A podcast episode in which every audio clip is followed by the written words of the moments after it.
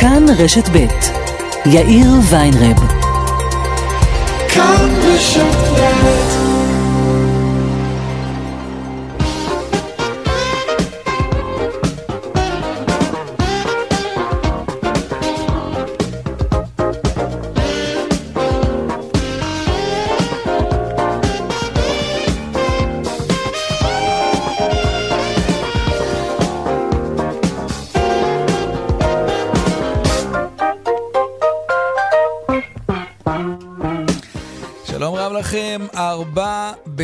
כן, כאן צבע הכסף ברשת ב', יום ראשון, שבוע טוב לכם, עורך התוכנית רונן פולק, אביגל בסור מפיק את התוכנית.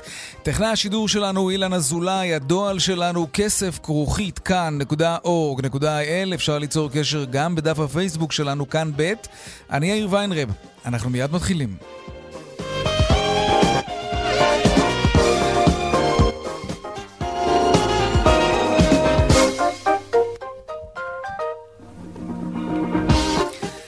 פותחים בחותרות צבע הכסף ליום ראשון, תוכנית החילוץ החדשה של המדינה לחברת אל על, הלוואה של רבע מיליארד דולרים.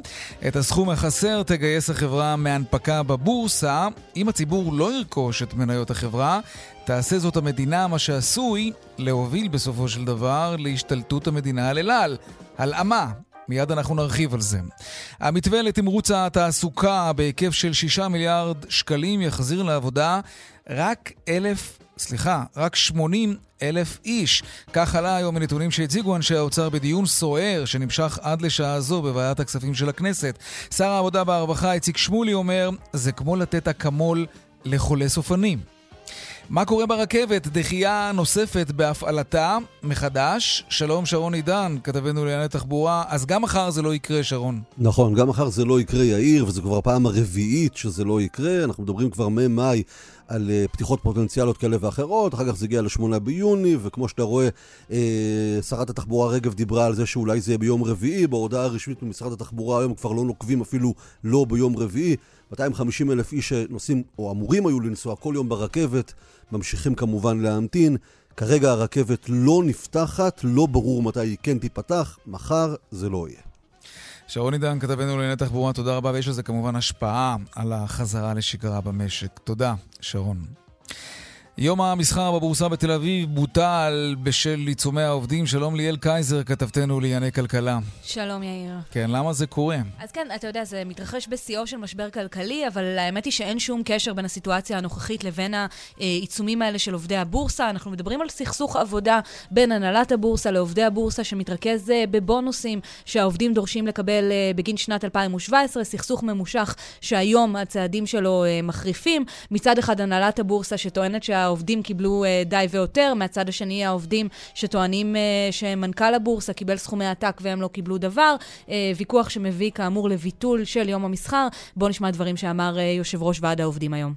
בזמן שהמנכ"ל לוקח לעצמו בונוס של 678 אלף ש"ח בשיא המשבר, הוא מרשה לעצמו לפגוע בתנאים של העובדים בבורסה. במשמרת שלי אני לא מתכוון לתת לזה לקרות. לא ניתן למנכ"ל להלך אימים על עובדי הבורסה ועל ועד העובדים. כן, זה לארי שיפמן, יושב ראש ועד עובדי אה, הבורסה. צריך לומר, ביקשנו לראיין היום נציג מהנהלה, נציג מוועד העובדים, בכל זאת, זה לא דבר של מה בכך שמבטלים יום מסחר. הסכסוך הזה משפיע על אה, כולנו, אה, כמו שאתה אומר, ביקשתם לראיין, אף אחד לא, לא מוכן לדבר. ליאל קייזר, כתבתנו אלה כלכלה, תודה רבה. תודה. בעקבות משבר קורונה, שר המשפטים אבי ניסנקורן מקדם תוכנית אה, תקנות שימנעו הקפאת חשבונות של אזרחים שההמחאות שלהם חזרו בגלל המצב הכלכלי. שלום עמוס שפירא, כתבנו לענייני משפט. כן, שלום יאיר, ואנחנו מדברים כאן על צעד שאמור להקל קצת על עצמאים ומשקי בית שנכנסו למערבולת עקב המשבר הכלכלי שהביאה עם מגפת הקורונה. כידוע, על פי החוק, אם בתקופה של שנה חוזרים לנו עשרה צ'קים כי לא היה להם כיסוי, הבנק מגביל את חשבון הבנק שלנו והאסקלציה הזו במצב הכלכלי שלנו, של החייב, בעצם ממשיכה עוד ועוד. ולנוכח העלייה הדרמטית בכמות הצ'קים החוזרים ובמספר החשבונות שכבר הוגבלו, מבקש משרד המשפטים עכשיו להתקין תקנות שלפיהן כל הצ'קים שחזרו בגין משבר הקורונה מ-4 במרס ועד ל-22 במרס, אה, ביוני, סליחה, אלו בעצם תקופה של שלושה חודשים וחצי, אלו לא יבואו בחשבון אותם, עשרת, באותם אה, חשבון של עשרת צ'קים חוזרים בשנה. בשורה התחתונה רק נאמר, התקנות אם כן נועדו להקל על המשך הפעילות העסקית, אבל כמובן שיהיה ברור שהצ'קים לא מתבטלים. עמוד שפירא, כתבנו לענייני משפט, תודה רבה על העדכון הזה. זאת יכולה להיות באמת בשורה מדהימה להרבה מאוד אנשים שנקלעו לסיטואציה כלכלית מאוד מאוד קשה בימים האלה. עוד בצבע הכסף בהמשך על המזון שאנחנו זורקים לפח, האם זרקנו יותר בתקופת הסגר? כן. למה להשאיר אתכם במתח? וגם הפלאפל, פלאפל התאומים בגבעתיים, אחרי 42 שנים נאלץ לוותר על תעודת הכשרות שלו בגלל המצב הכלכלי. ברבנות מיהרו לפזר מודעות נגד הפלאפל הוותיק, אלא שברשתות החברתיות זוכה העסק הזה, נטול תעודת הכשרות, לתמיכה רחבה מאוד. נעסוק בכך בהמשך. אלה הכותרות, כאן צבע הכסף. אנחנו מיד ממשיכים.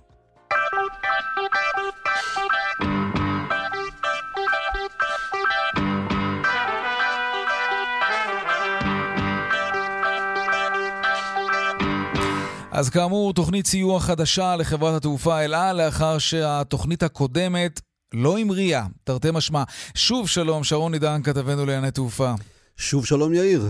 כן, אמ, מה הסיכוי שהתוכנית הזאת תתקבל על ידי הנהלת אל על? תראה, ההנהלה היא צד לתוכנית, מי שכמובן הם היותר בעייתיים זה לצורך העניין הוועדים, כלומר, הם אלה שאמורים בסופו של דבר לאשרר אותה. בואו רגע ננסה להסביר במילים פשוטות מה קרה כאן. תראה, אל על נמצאת הרי במצב מאוד מאוד בעייתי כבר הרבה מאוד זמן, אגב, עוד לפני הקורונה. אה, וכרגע בעצם היא נזקקת כדי להמשיך לתפקד.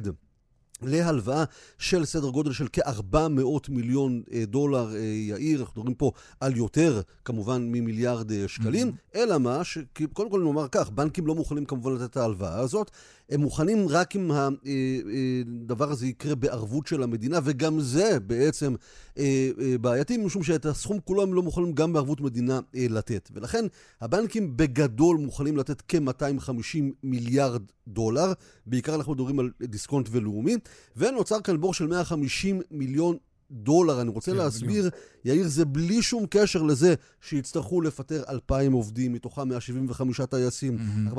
400-500 אנשי תחזוקה, למכור כנראה מטוסים. אחרי שאמרנו את כל זה, עדיין הבנקים מתקשים לתת. ולכן המדינה אומרת, תראו, במקום לתת הלוואה שאני לא רוצה לתת לכם, תכלס, אנחנו מוכנים להנפיק עוד מניות של חברת אל על בסכום של 150 מיליון דולר. אם הציבור יקנה, מה טוב. אם הציבור יקנה חלקית, אנחנו, המדינה, נקנה את שאר המניות, אלא מה?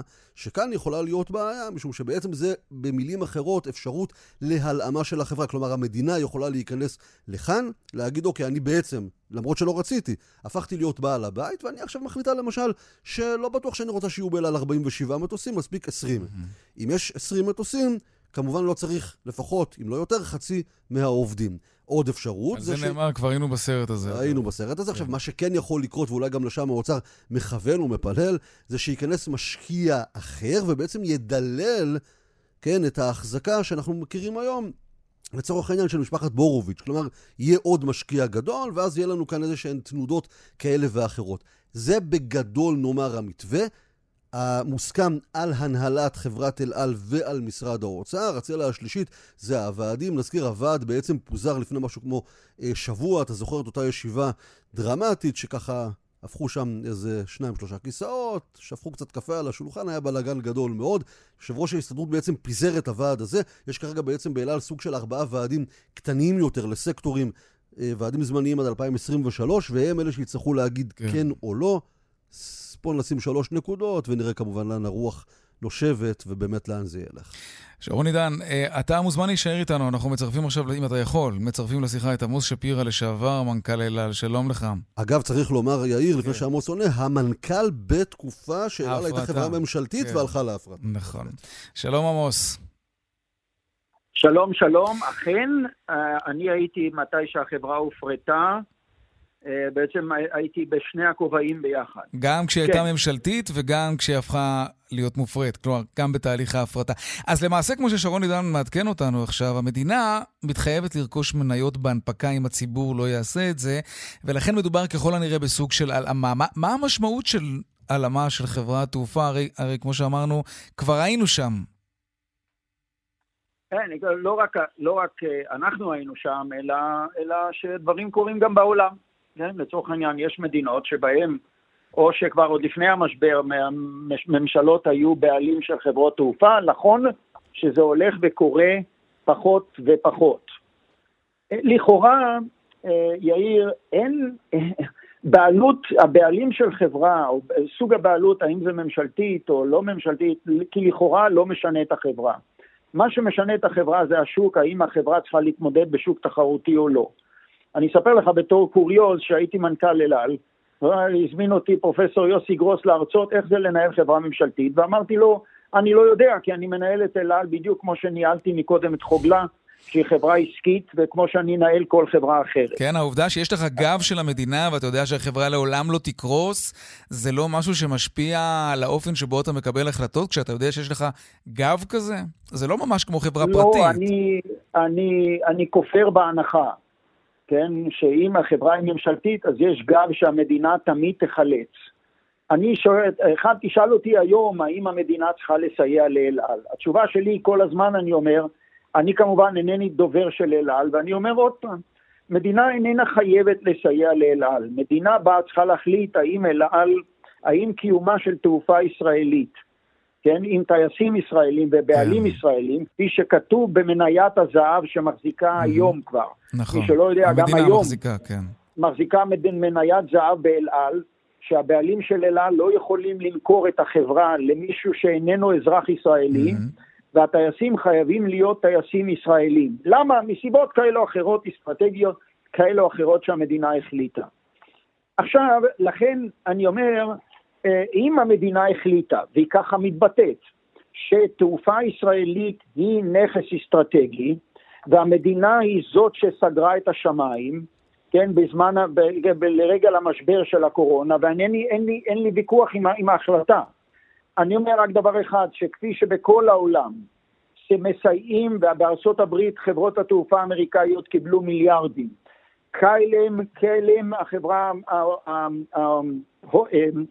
ההולנדית, כן.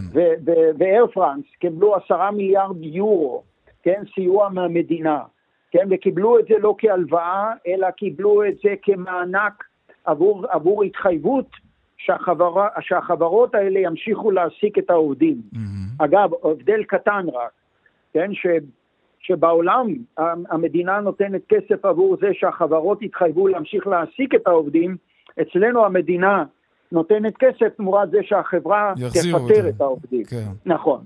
אז זה ככה, עכשיו, כך שאני לצורך זה לא מתרגש במיוחד שאם בסופו של דבר המדינה כן, האזרחים לא יקנו את המניות, כן, כשינפיקו, והמדינה בעצם, כנראה סיכוי סביר שהמדינה תקנה, המדינה תקנה, בעצם תיקח, כן, את הבעלות על אל על.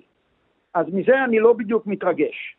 באמת שאני לא, לא מתרגש מהעניין הזה, זה לא ישנה את המצב של אל על, עדיין אל על תצטרך להתחרות עם החברות הזרות, ועם השוק התחרותי מאוד. אבל למה שאגב, היא, לא הצליח. היא לא הצליחה לעשות את זה עוד לפני. בואו נזכור, בוא, בוא, בוא נזכור שלפני קורונה, אלה נכנסה עם 72 מיליון דולר הפסדים. כל תחום אירופה נכבש על ידי הלואו-קוסט, כל המזרח על ידי חברות סיניות, הודו, אני מזכיר לך אייר אינדיה מעל סעודיה, ארה"ב יונייטד הודיעה שהיא מכפילה עוד לפני הקורונה את מספר המושבים. אל על מראש הייתה עם גיבנת משמעותית. עכשיו היא קיבלה מכונת נכון. הנשמה. רגע, אבל, ולכן אבל, אני אומר, אבל... רגע, קלעת פה לנקודה, כל הזמן מדברים באלעל, כשמדברים על אלעל מדברים על צד העלויות, כן, ומדברים כאילו שכמות העובדים, והעובדים הם הבעיה. לא, אני טוען שהעובדים של אלעל, וכולל הטייסים, הם הנכס של החברה.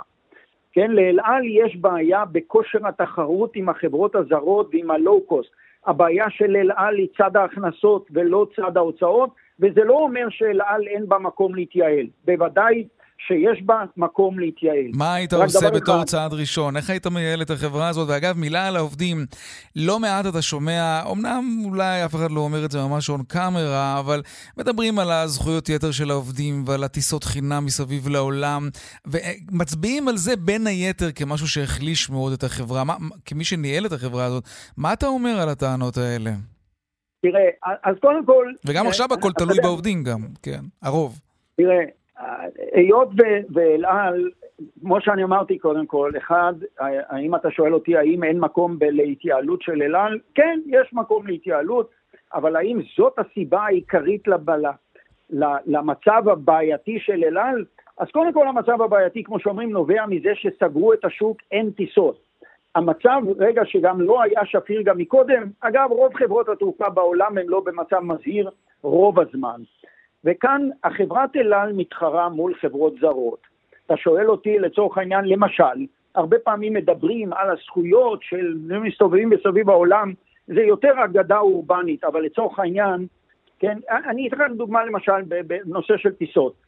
נכון, טייסים באל על, כשהם טסים, רגע טסים, כן, והם, והם לא מתפקדים בקוקפיט, כן, יש להם אפשרות לשבת אה, במחלקת ביזנס. כן, בחברות אחרות, אגב, בעולם, אני אומר לך את זה מתוך ידיעה, הם לא יושבים במחלקת ביזנס, הם יושבים במחלקה ראשונה. כן, לצורך mm-hmm. העניין קראתי על איזה מנכ"ל של חברת תעופה שיש לו מטוס פרטי. למנכ"ל חברת תעופה בישראל אין מטוס פרטי. Mm-hmm. אבל עזוב, אנחנו עוסקים בזוטות. לא זאת הנקודה העיקרית. הנקודה העיקרית של אל על במיידי היא שלא משנה מה תעשה. נכון לרגע זה במיידי, אם אתה חפץ בחברת תעופה ישראלית, אתה חייב להזרים כסף, בדיוק כמו שבארצות הברית עושים את זה, בדיוק כמו שבצרפת ובכל מקום בעולם עושים את זה. אין דרך אחרת. לגבי ההתייעלות, האם יש מקום? יש מקום. אבל הבעיה הראשונה של אל על היא כושר התחרות, ומה שהאוצר מציע, כן, לקצץ שליש ממצבת המטוסים ושל העובדים, זאת איננה התייעלות. לא? זה קיצוץ כנפיים, לא, זה לא התייעלות כי... תראה... כי זה יפגע בכושר להגיע... התחרות בעצם, אם צי המטוסים יקטן, זה מה שאתה אומר. בוודאי, רגע, בוודאי, זה באמת, אני, אני, אתה יודע למה הדבר דומה? שהאוצר היום בא בתביעה לאלעל לקצץ שליש כן, כאשר היא זקוקה לחמצן לנשימה, זה כמו חולה ששוכב על ערש דווי ומחפש חמצן לנשום, והרופא עכשיו שואל אותו לגבי הכושר הגופני שלו. זה, זה, זה בסדר, כושר גופני זה דבר חשוב מאוד, אבל עכשיו, עד שיתווכחו ועד שיזרימו חמצן, בינתיים החולה ימות. בעצם העניין, אני, אני, אני כן. אומר את זה שוב ושוב, התייעלות צריך, רק דבר אחד, זה, זה לא יפתור את הבעיה, והקיצוץ של השליש במצבת המטוסים רק יחליש את אל על וייצור את המשבר הבא. חברה, אל על, בוא, אני, יאיר, כדי לסבר קצת את האוזן, לכל תעופה ישראלית, לכל התעופה הישראלית יש סדר גודל של 50-60 מטוסים, כולם, ישראייר ואל על וארקיע יש בסביבות ה-50-60 מטוסים. לחברה כמו ריינר, לופטנזה, יונייטד, יש בין 500 ל-600 מטוסים בתעשייה שגודל הוא יתרון עצום. שאתה תקצץ את אל על, כן, ותשאיר אותה עם כמות יותר קטנה של נתיבים. אתה תחליש אותה עוד יותר. ואתה תחליש אותה עוד okay. יותר, אוקיי. והמשבר הבא הוא רק בדרך. עמוס. אני אגיד לך למה האוצר רוצה את זה, כי האוצר מתייחס כרגע לטווח הקצר.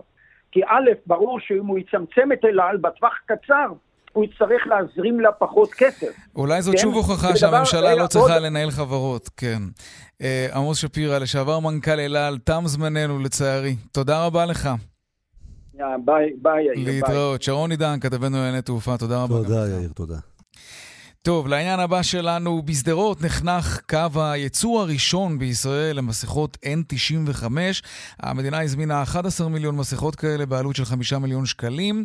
אותו אה, מפעל, היחיד שמייצר בישראל ציוד רפואי, עמד בפני סגירה לפני כמה שנים, מאחר שמשרד הבריאות סירב לרכוש תוצרת ישראלית, והוא קנה רק מסין. תראו איך העולם מסתובב לו. כתבנו בדרום, אסף פוזיילוב עם הסיפור הפתלתל הזה. למפעל בשדרות היה חלק חשוב מאוד בהצלת ישראל מהנגיף קורונה. אותו מפעל שעמד בפני סגירה מוחלטת כי אנשי האוצר והרכש במשרד הבריאות, אגב שעליהם היה אחראי המנכ"ל היוצא סימן טוב, לא רצו לקנות תוצרת ישראלית, אלא מסין, בזול יותר. שלושה חודשים אחרי שהנגיף תפס את ישראל בהפתעה, המפעל הזה חונך שני קווי ייצור של המסכה המבודדת בעולם, והופך את ישראל לאחת היחידות שמייצרת מסכת N95. הנה המנכ"ל של המפעל, סיאון דניאל לב. יש לנו uh, באמת היום פס ייצור למסכות N95, אחד שעובד, ויש לנו פס ייצור שני שיתחיל לעבוד בעוד עשרה ימים, uh, וביחד uh, שני הקווים האלה יהיו מסוגלים לייצר בין שלושה לארבעה מיליון מסכות בחודש, שהיום כשאנשים לא שמים מסכות, אז זה נראה כבר כאילו uh, זיכרון רחוק. עלות כל פס ייצור של המסכה הזו, 250 אלף דולר. עלות כל מסכת N95 למדינה, כחמישה שקלים. הוזמנו כאמור עד כה 11 מיליון מסכות. כ-65% ממחיר המסכה הם חומרי הגלם, שעדיין יקרים מאוד בעולם. זה אולי נראה כאילו השיא מאחורינו, אבל זה בהחלט יכול להשתנות מהר מאוד, והמנכ"ל, שכבר מכיר את התנהלות המדינה, מזהיר. במדינת ישראל לכולנו זיכרון קצר, לאזרחים, ובמידה מסוימת גם, ל, אה, גם למזמינים. Mm-hmm. ואם המדינה תחליט לחזור ולהזמין מסכות מיבוא, ולא מסכות מייצור מקומי, אז יכול להיות שאנחנו נעצור את הקו הזה אחרי ש...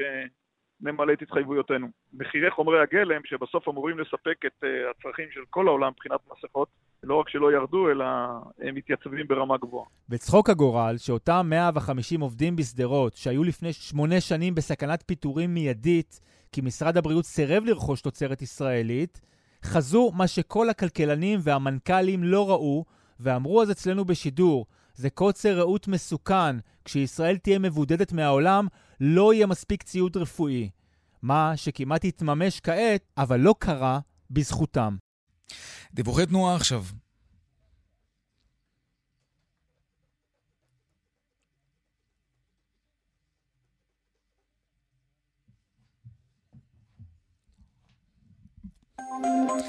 דרך 65 מערבה נחסמה לתנועה בצומת ערערה בגלל תאונת דרכים, סעו זהיר.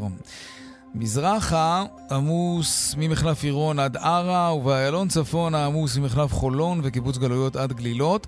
דרומה יש עומס ממחלף רוקח עד לגוארדיה. דיווחים נוספים בכאן מוקד התנועה, כוכבי 9550, ובאתר שלנו, אתר התאגיד, אתר כאן, פרסומות, ומיד אנחנו חוזרים עם עוד צבע הכסף.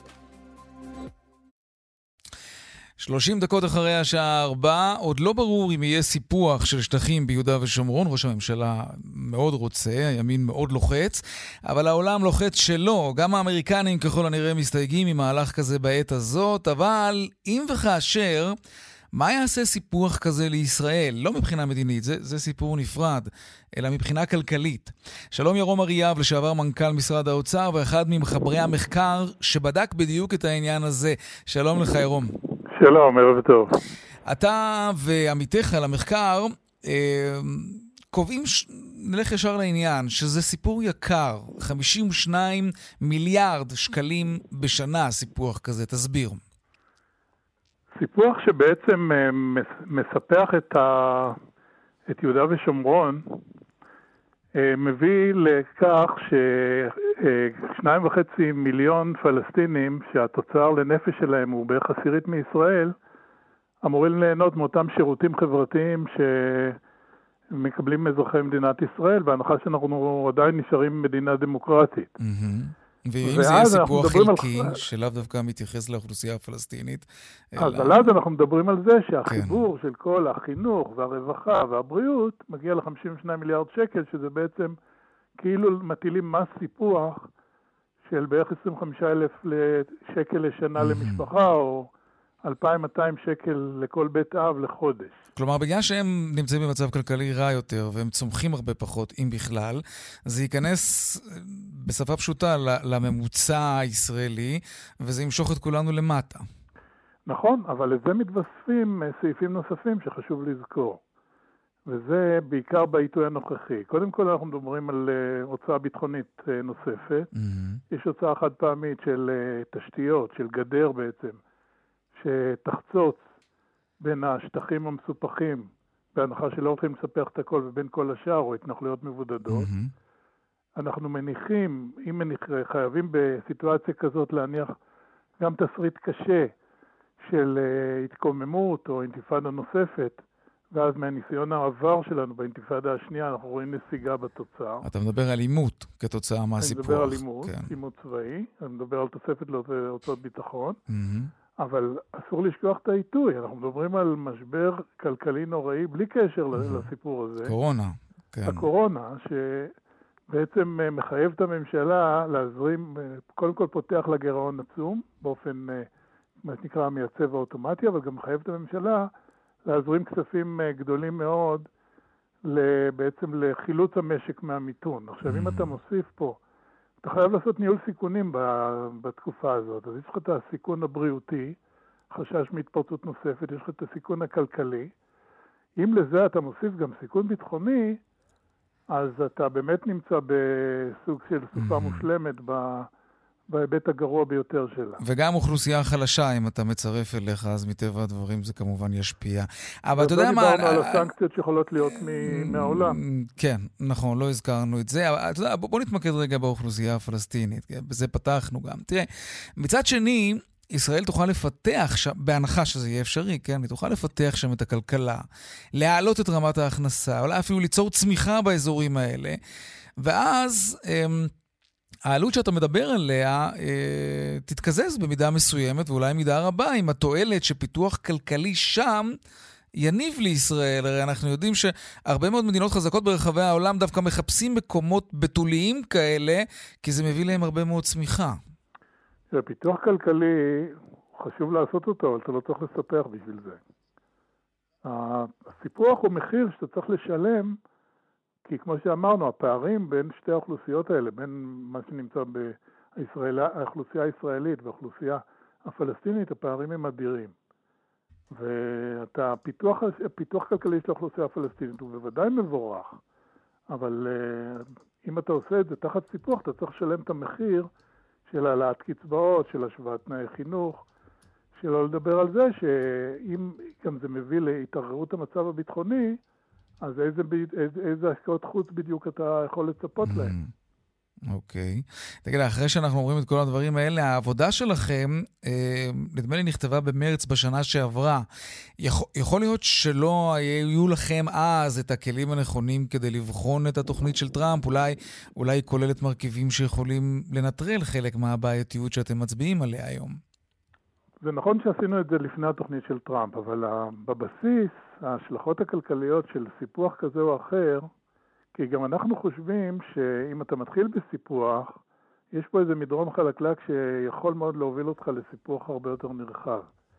כי למשל, אה, אם הרשות הפלסטינית אה, קורסת כתוצאה מזה, ואחר כך אתה צריך להיכנס עם כוחות צבא לשטחי A ו-B, כן. אתה יכול להגיע למצב שמה שהתחלת בסיפוח לפי תוכנית טראמפ מתרחב מעבר לזה. ואת זה בעצם אנחנו מראים בעבודה. אוקיי. לסיום אני רוצה לשאול אותך, כמנכ"ל האוצר אה, לשעבר, איזה ציון אתה נותן לממשלה, בהת... לאוצר, כן, בהתמודדות עם קורונה? כן, נכנסנו למשבר הזה בתנאים קשים, בתנאים שהגירעון התקציבי הוא כבר גדול, בתנאים שלא היה ממש תקציב. אה, אני חושב שיש מקום לשיפור גדול עכשיו. המשבר הזה הוא שונה לגמרי ממה שהיה כשאני הייתי במשרד האוצר, היה משבר כלכלי גדול ב-2008-2009. כן, משבר גלובלי, כן. עכשיו, בדיוק. עכשיו זה גם כן גלובלי, אבל עכשיו, ללא מעורבות ממשלתית מסיבית, השוק לא יכול לסדר את זה לבד. ולכן יצטרכו פה תוכנית, אה, תוכנית כלכלית שמגובה בתקציב, אה, שבעצם לממשלה יש פה תפקיד מאוד מאוד חשוב. Mm-hmm. כלומר, לשפוך כסף, כמו שעושים במקומות אחרים בעולם. צודקים בעלי העסקים והחברות, המפעלים, שאומרים ש...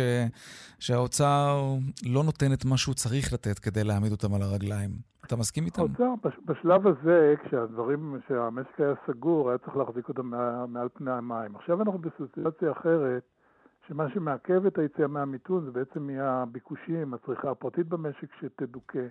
ופה צריך תוכנית כלכלית שצריכה להיות גם, כמו שאתה אומר, תוספת uh, תקציבית, אבל גם הסטות של תקציב ממקומות שהם פחות מעוררי צמיחה למקומות כן. שהם uh, יותר מעוררי צמיחה.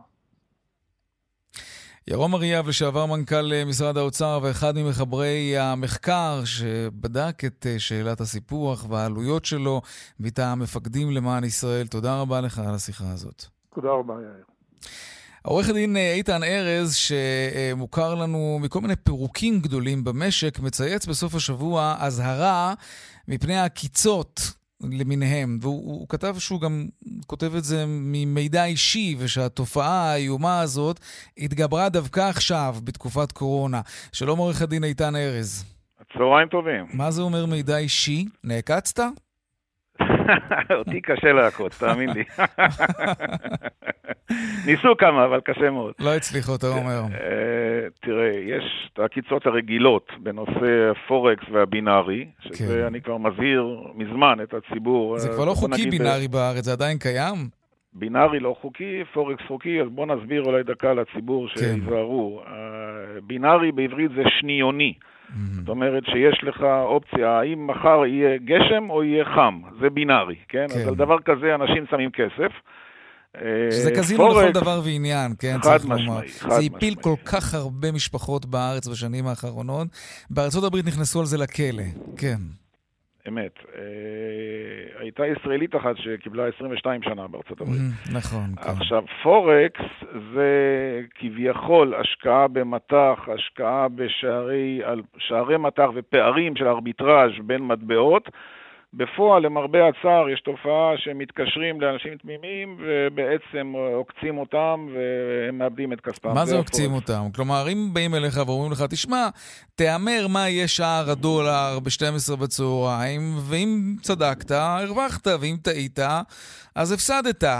לכאורה, אני אומר את זה במרכאות, לגיטימי. אם מישהו מוכן להשתתף בשיגעון הזה, אז מה... זה, זה הרבה מה- יותר מה נאמר? מורכב, מה נגיד? זה, זה הרבה יותר מורכב, מתקשרים, בכלל כאילו מתקשרים מישראל, אבל ממדינה, מטלפון שהוא לא ישראלי. בוא, יש המון תלונות בנושא הזה של הפורקס, אבל אני דווקא אני חושב שרצינו לדבר היום על גנבות נדל"ן. אוקיי, בוא נדבר גם על נדל"ן. אה, יש תופעה מדהימה שהיא רק מתגברת של גנבות נדל"ן בארץ. אה, איך גונבים נדל"ן? מאתרים קרקע של אה, מישהו שרשומה על שם תושב חוץ, זה יותר סביר שזה קרקע ולא דירה. אוקיי. ואז הקר- בטאבו רשום דרכון אמריקאי או דרכון אנגלי או דרכון צרפתי עם מספר זה וזה. מזייפים את הדרכון הזה בארץ, ואז לוקחים מישהו, איש קש, שהוא צריך להיות באותו גיל בערך, מצלמים תמונה שלו, שמים את התמונה שלו באותו דרכון מזויף, מזויף, כן. ועם זה הולכים לנוטריון, ואותו זייפן ואותו מתחזה הולכים לנוטריון, ובפני הנוטריון חותמים ייפוי כוח בלתי חוזר למכירת הקרקע באמצעות עורך דין או באמצעות נוטריון אחר, שיכול אפילו להיות תמים או יכול להיות אה, חלילה חלק מהמהלך. רגע, אני רוצה שנייה אחת להבין בנקודה הזאת. נוטריון לא אמור לבדוק מסמכים מהסוג הזה, האם הם אותנטיים, אין לו יכולת להתחבר לכל מיני אה, מאגרי מידע בינלאומיים, לוודא שמי שיושב מולו הוא אכן הבן אדם שיושב מולו. הרי בשביל זה הוא נוטריון, לא? לא, הוא לא יכול, מכיוון שבא לו בן אדם עם דרכון בלגי, או דרכון הולנדי, או דרכון כן. אה, ארגנטינה, ואומר, הנה, אני בעל הקרקע הזו. הנה, אתה רואה, רשום בטאבו שאני בעל Mhm. דרכון ארגנטינאי ככה וככה. זה אני. אני סך הכל רוצה שתאמת לי פה חתימה על ייפוי כוח בלתי חוזר לפלוני, שהוא יחתום בשמי על חוזה למכירת הקרקע. ואז עוברים לשלב הבא, הנוטריון רק מאשר את הייפוי כוח, עוברים לשלב הבא, הולכים למקום אחר, אצל עורך דין אחר, עושים את החוזה, מוכרים את הקרקע הזו במהירות. יש לי במשרד שני תיקים כאלה, כן? כלומר, אה, אנשים ואז קנו קרקע ממי שהם בכלל לא בעלי הקרקע. קרקע גנובה. עכשיו, הקונה, דווקא הקונה מוגן. הקונה, יש סעיף 10 לחוק המקרקעין, הקונה מוגן. מה זה מוגן? קרקע- איך הוא יקבל את הכסף שלו חזרה? הקונה, הקונה, אה, הקונה מקבל בעלות. הקונה מקבל בעלות אוקיי. אמיתית. זה כמו שאתה תקנה אהה. מכונית גנובה. כלומר, מי שאכל אותה בסופו מכונית. של דבר זה בעל הקרקע המקורי ולא מי שרכש את הקרקע. בדיוק. זה כמו מהמם. שאתה תקנה רכ- מכונית גנובה במגרש מכוניות, אז מכוח כן. תקנת השוק אתה תקבל בעלות נקייה. מהמם. הקונה מוגן, ומה שקורה, אחרי שנה-שנתיים בא בעל הקרקע האמיתי, רוצה למכור את הקרקע שלו, הוא בכלל רואה, "אה, לא, מישהו כבר גר מדבר?" פה. כן, לא עכשיו, יאומן. ואז עד כמה- עד כמה רחבה התופעה הזאת, תגיד? אני מעריך שיש עשרות מקרים בשנה בארץ. אה, עכשיו רגע, אתה, אנחנו גם רוצים הרי לעזור לציבור ולהגן על הציבור. כן. אז, אז כדאי שהציבור אה, ידע איך להתגונן בפני התופעה הזאת. א', להוציא נסח, כל חודשיים שלושה להוציא נסח אה, טאבו, אה, זה כלום, זה עשרה שקלים, אפשר באינטרנט. והגנה עוד יותר טובה, אה, בעיקר הייתי ממליץ אותה לתושבי חוץ שיש להם קרקעות מגרשים יקרים, לרשום משכנתה קטנה, משכנתה זעירה. אפילו משכנתה, לקחת משכנתה של 100-150 אלף שקל, Mm-hmm.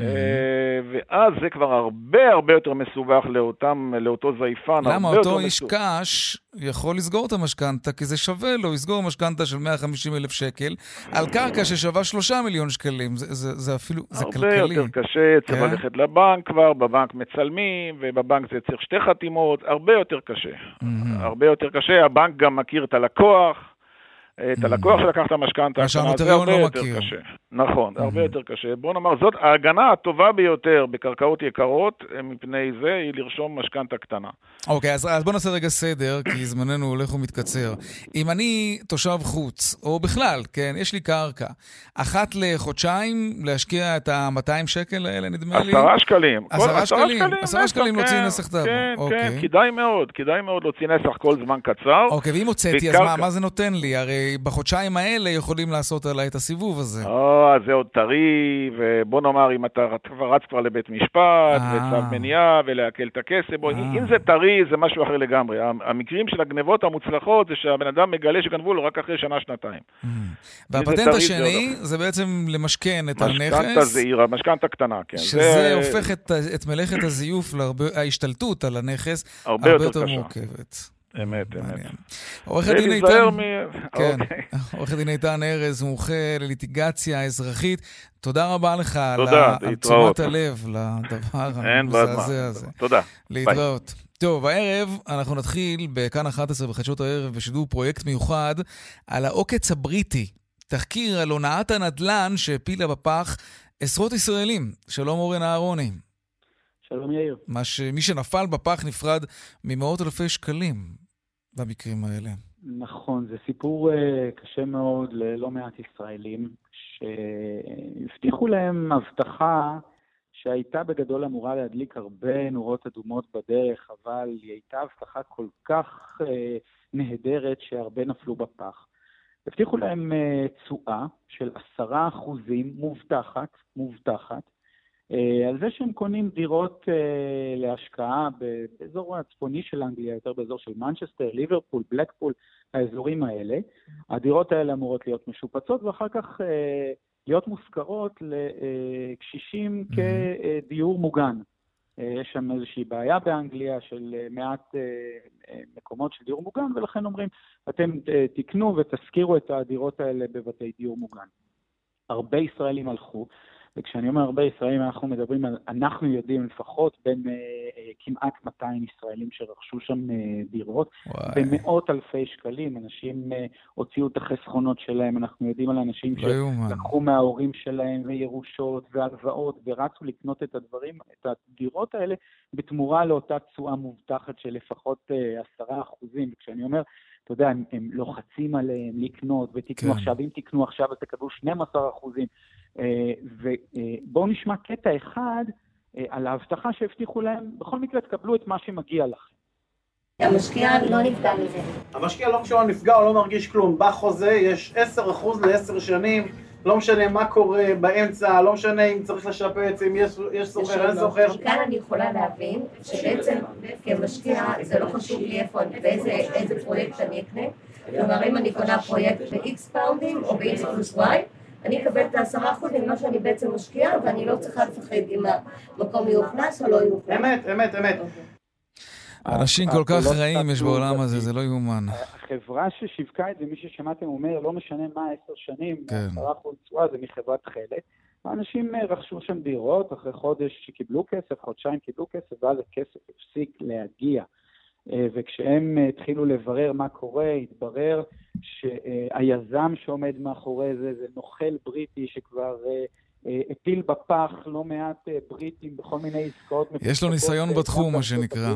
כן, כן. אורן. ומה שיפה בפרויקט, אולי משפט סיום, אה, מה שיפה בפרויקט שאנחנו מביאים גם הערב וגם אה, מחר, זה באמת מההתחלה. כלומר, אנחנו לא הגענו ממש בסוף אה, של הסיפור, אלא יש לנו את הצילום והתיעוד של ניסיונות השיווק, של השיווק, של הנסיעה של המשקיעים לאנגליה, לראות את הנכסים, המפגשים עם הנוכלים. השיווק האגרסיבי. כן.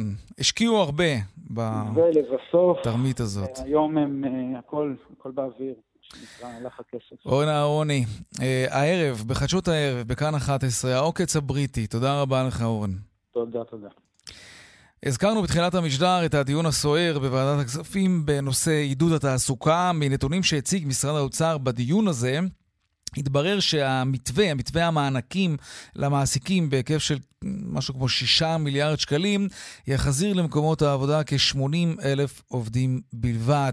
שר העבודה והרווחה איציק שמולי אמר בתגובה, זה כמו לתת אקמול לחולה סופני, והוא אומר לצבע הכסף כי בכוונתו לקדם תוכנית להארכת תקופת החל"ת לצד התמריצים האגרסיביים להכשרה ולתעסוקה. הנה הדברים. הממשלה חייבת לחשב אה, מסלול מחדש בדחיפות, אחרת אם בסוף השנה יישארו כאן חצי מיליון מובטלים שאין להם לאן לחזור, אנחנו פשוט אה, נתנגש בקרחון, מה גם שמערכת הרווחה כלל לא ערוכה לתת מענה לכמות כזו של ישראלים שעלולים ליפול מתחת לקו העוני. דיווחי תנועה עכשיו. בדרך 6 צפון העמוס ממחלף קסם עד מחלף אייל, ובדרך 40 צפון העמוס מאוד מצומת עקרון עד ציטריה, ובכיוון ההפוך עומס כבד מאוד ממחלף רמלה. רמלה דרום עד צומת בילו בגלל תאונת דרכים, סעו בזהירות, דיווחים נוספים בכאן מוקד התנועה כוכבי 9550 ובאתר שלנו, אתר התאגיד, אתר כאן, פרסומות, ומיד אנחנו חוזרים עם עוד צבע הכסף. שמונה דקות לפני השעה חמש, פלאפל התאומים, אחד מבתי האוכל הוותיקים והידועים בגבעתיים, החליט לסיים את הקשר עם הרבנות. אין שם יותר תעודת כשרות. שלום, שי דמארי מבעלי פלאפל התאומי בגבעתיים, שלום. שלום.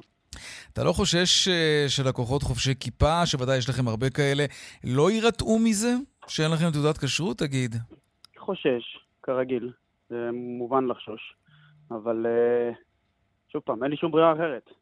למה? זה, שאני, זה כל כך חושש, יקר? או שאני... זה לא עניין של כל כך יקר, זה כל הדברים ביחד. כל ההוצאות ביחד mm-hmm. גורמות לי להגיע למצב שאני צריך להחליט על מה אני מוותר. Mm-hmm. שזה או בעצם על, ה... על הרווח שלי, על חלק מהרווח שלי, או שאני מוותר על האיכות של חומרי הגלם, או שאני מוותר על השעות העבודה של העובדים שלי. עד כדי כך, זה או זה או זה. או זה או זה או זה, כן. אין, לי, אוקיי. אין לי אופציה אחרת. אוקיי. ואת כל מה, שאני, כל מה שאני יכול לגעת, אני נוגע. אז אתם מקבלים החלטה, אמ, אחרי 42 שנים שיש לכם תעודת כשרות, ואז באה תגובת הרבנות. ספר לנו עליה. תגובת הרבנות הייתה חד וחלק. לא רוצים לשלם, נפרסם אתכם ברבים, תלו שלטי uh, אזהרה בכל העיר, שלטים שנראים כמו מודעות אבל. כן, ראיתי את זה. בחרו בדרך הזאת. אני ציפיתי שאחרי 42 שנה שאני, אה, לא רוצה להגיד מפרנס, אבל משלם בזמן ועושה כל מה שצריך לעשות, אז אה, ציפיתי לקצת אה, חמלה, קצת הבנה של הסיטואציה. הם גם, עוד פעם, זה לא שאנחנו עושים את זה בתור אקט מחאה נגד הדת כן. או נגד הרבנות, ההפך, אנחנו, אנחנו בעד. אנחנו בעד הכשרות, אנחנו בעד, ה, בעד, כל ה, בעד כל הסיפור הזה, אבל אנחנו צריכים אה, בסופו של יום צריך לשים את הדברים על, ה, על המאזניים ולראות תגיד, מה... נשים רגע בצד את הסגנון, למרות שהוא חשוב, ותכף אנחנו נדבר גם עם uh, נציג הרבנות הראשית. ההודעה שלהם, המודעה שלהם, פגעה בכם מבחינת הקליינטים? באים פחות לקוחות? מבחינת הקליינטים? כן. נכון לעכשיו באים יותר לקוחות. יותר לקוחות. האלה, זה ממש אה, טירוף מה שקורה, גם ברשתות החברתיות וגם פה במקום. אנחנו. משעה עשר בבוקר פה לא מצליחים... טלפונים. אה, אנשים או... באים בגלל, בגלל כן. מה שעשיתם, כדי להביע כן. תמיכה? יש אנשים שלא אכלו פה מעולם והגיעו במיוחד בשביל להביע תמיכה. מה אתה אומר? מאיפה זה בא לדעתך?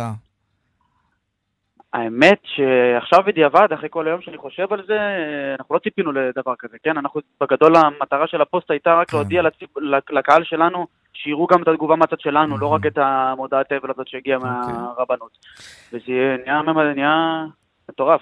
שי דמארי מבעלי פלאפל התאומים בגבעתיים, תודה רבה. תודה רבה לך. אתה מוזמן כמובן להישאר ולהאזין לשיחה הבאה שלנו עם הרב משה דגן, מנכ"ל הרבנות הראשית. שלום. שלום וברכה. בוא נתחיל בסגנון ברשותך. להוציא הודעה על עסק שלא רוכש עוד שירותי כשרות, אתם בוודאי רוצים לידע את uh, ציבור אוכלי הכשרות. אגב, הציבור הזה בדרך כלל תמיד מסתכל לראות את התעודה, ובכל זאת, טרחתם ועשיתם את זה. אבל למה באופן כזה שמזכיר מודעת אבל? אני גם ראיתי את המודעה הזאת, יש בזה משהו קצת צורם.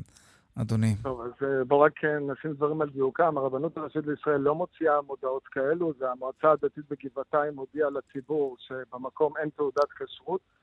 אפשר uh, לנהל דיון על הסגנון, אני לא בדיוק ראיתי את המודעה, אבל זה עניין של... Uh, קונוטציות, מה, מה כתוב בדיוק, הרציונל הוא להודיע לציבור שאין משגיח שנמצא במקום, והמקום לא תחת השגחה של הרבנות גבעתיים. Mm-hmm. אני רק רוצה להתייחס לנקודה נוספת. אני שמעתי את השיחה עם שי. אני חושב שבסופו של דבר הוא צריך לקבל החלטה אם הוא רוצה כשרות של הרבנות או לא רוצה כשרות של הרבנות, והוא צריך להבין, ואני מניח שהוא מבין אם הוא 42 שנה אה, אה, צורך את שירותי הכשרות, כן. הזה, מנהל את העסק הזה עם תעודת כשרות של רבנות, שלמעשה הוא משלם עבור עבודת המשגיח. המועצה הדתית לא יכולה לממן את עלות שכר המשגיח. יש פה בעצם עלות מזערית, שזה בערך, עשינו את החשבון, זה יוצא כמו מנה פלאפל ליום, שזו עלות ההשגחה.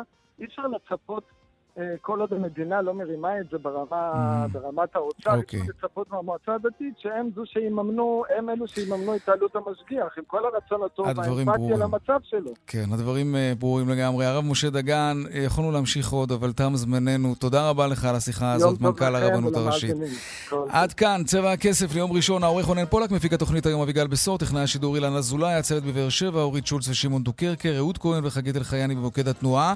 הדואל שלנו כסף כרוכית כאן.או.il, מיד אחרינו שלי וגואטה, אני יאיר ויינרב, משתמע שוב מחר בארבעה אחר הצהריים. ערב טוב ושקט שיהיה לנו, תהיו בריאים, שלום שלום.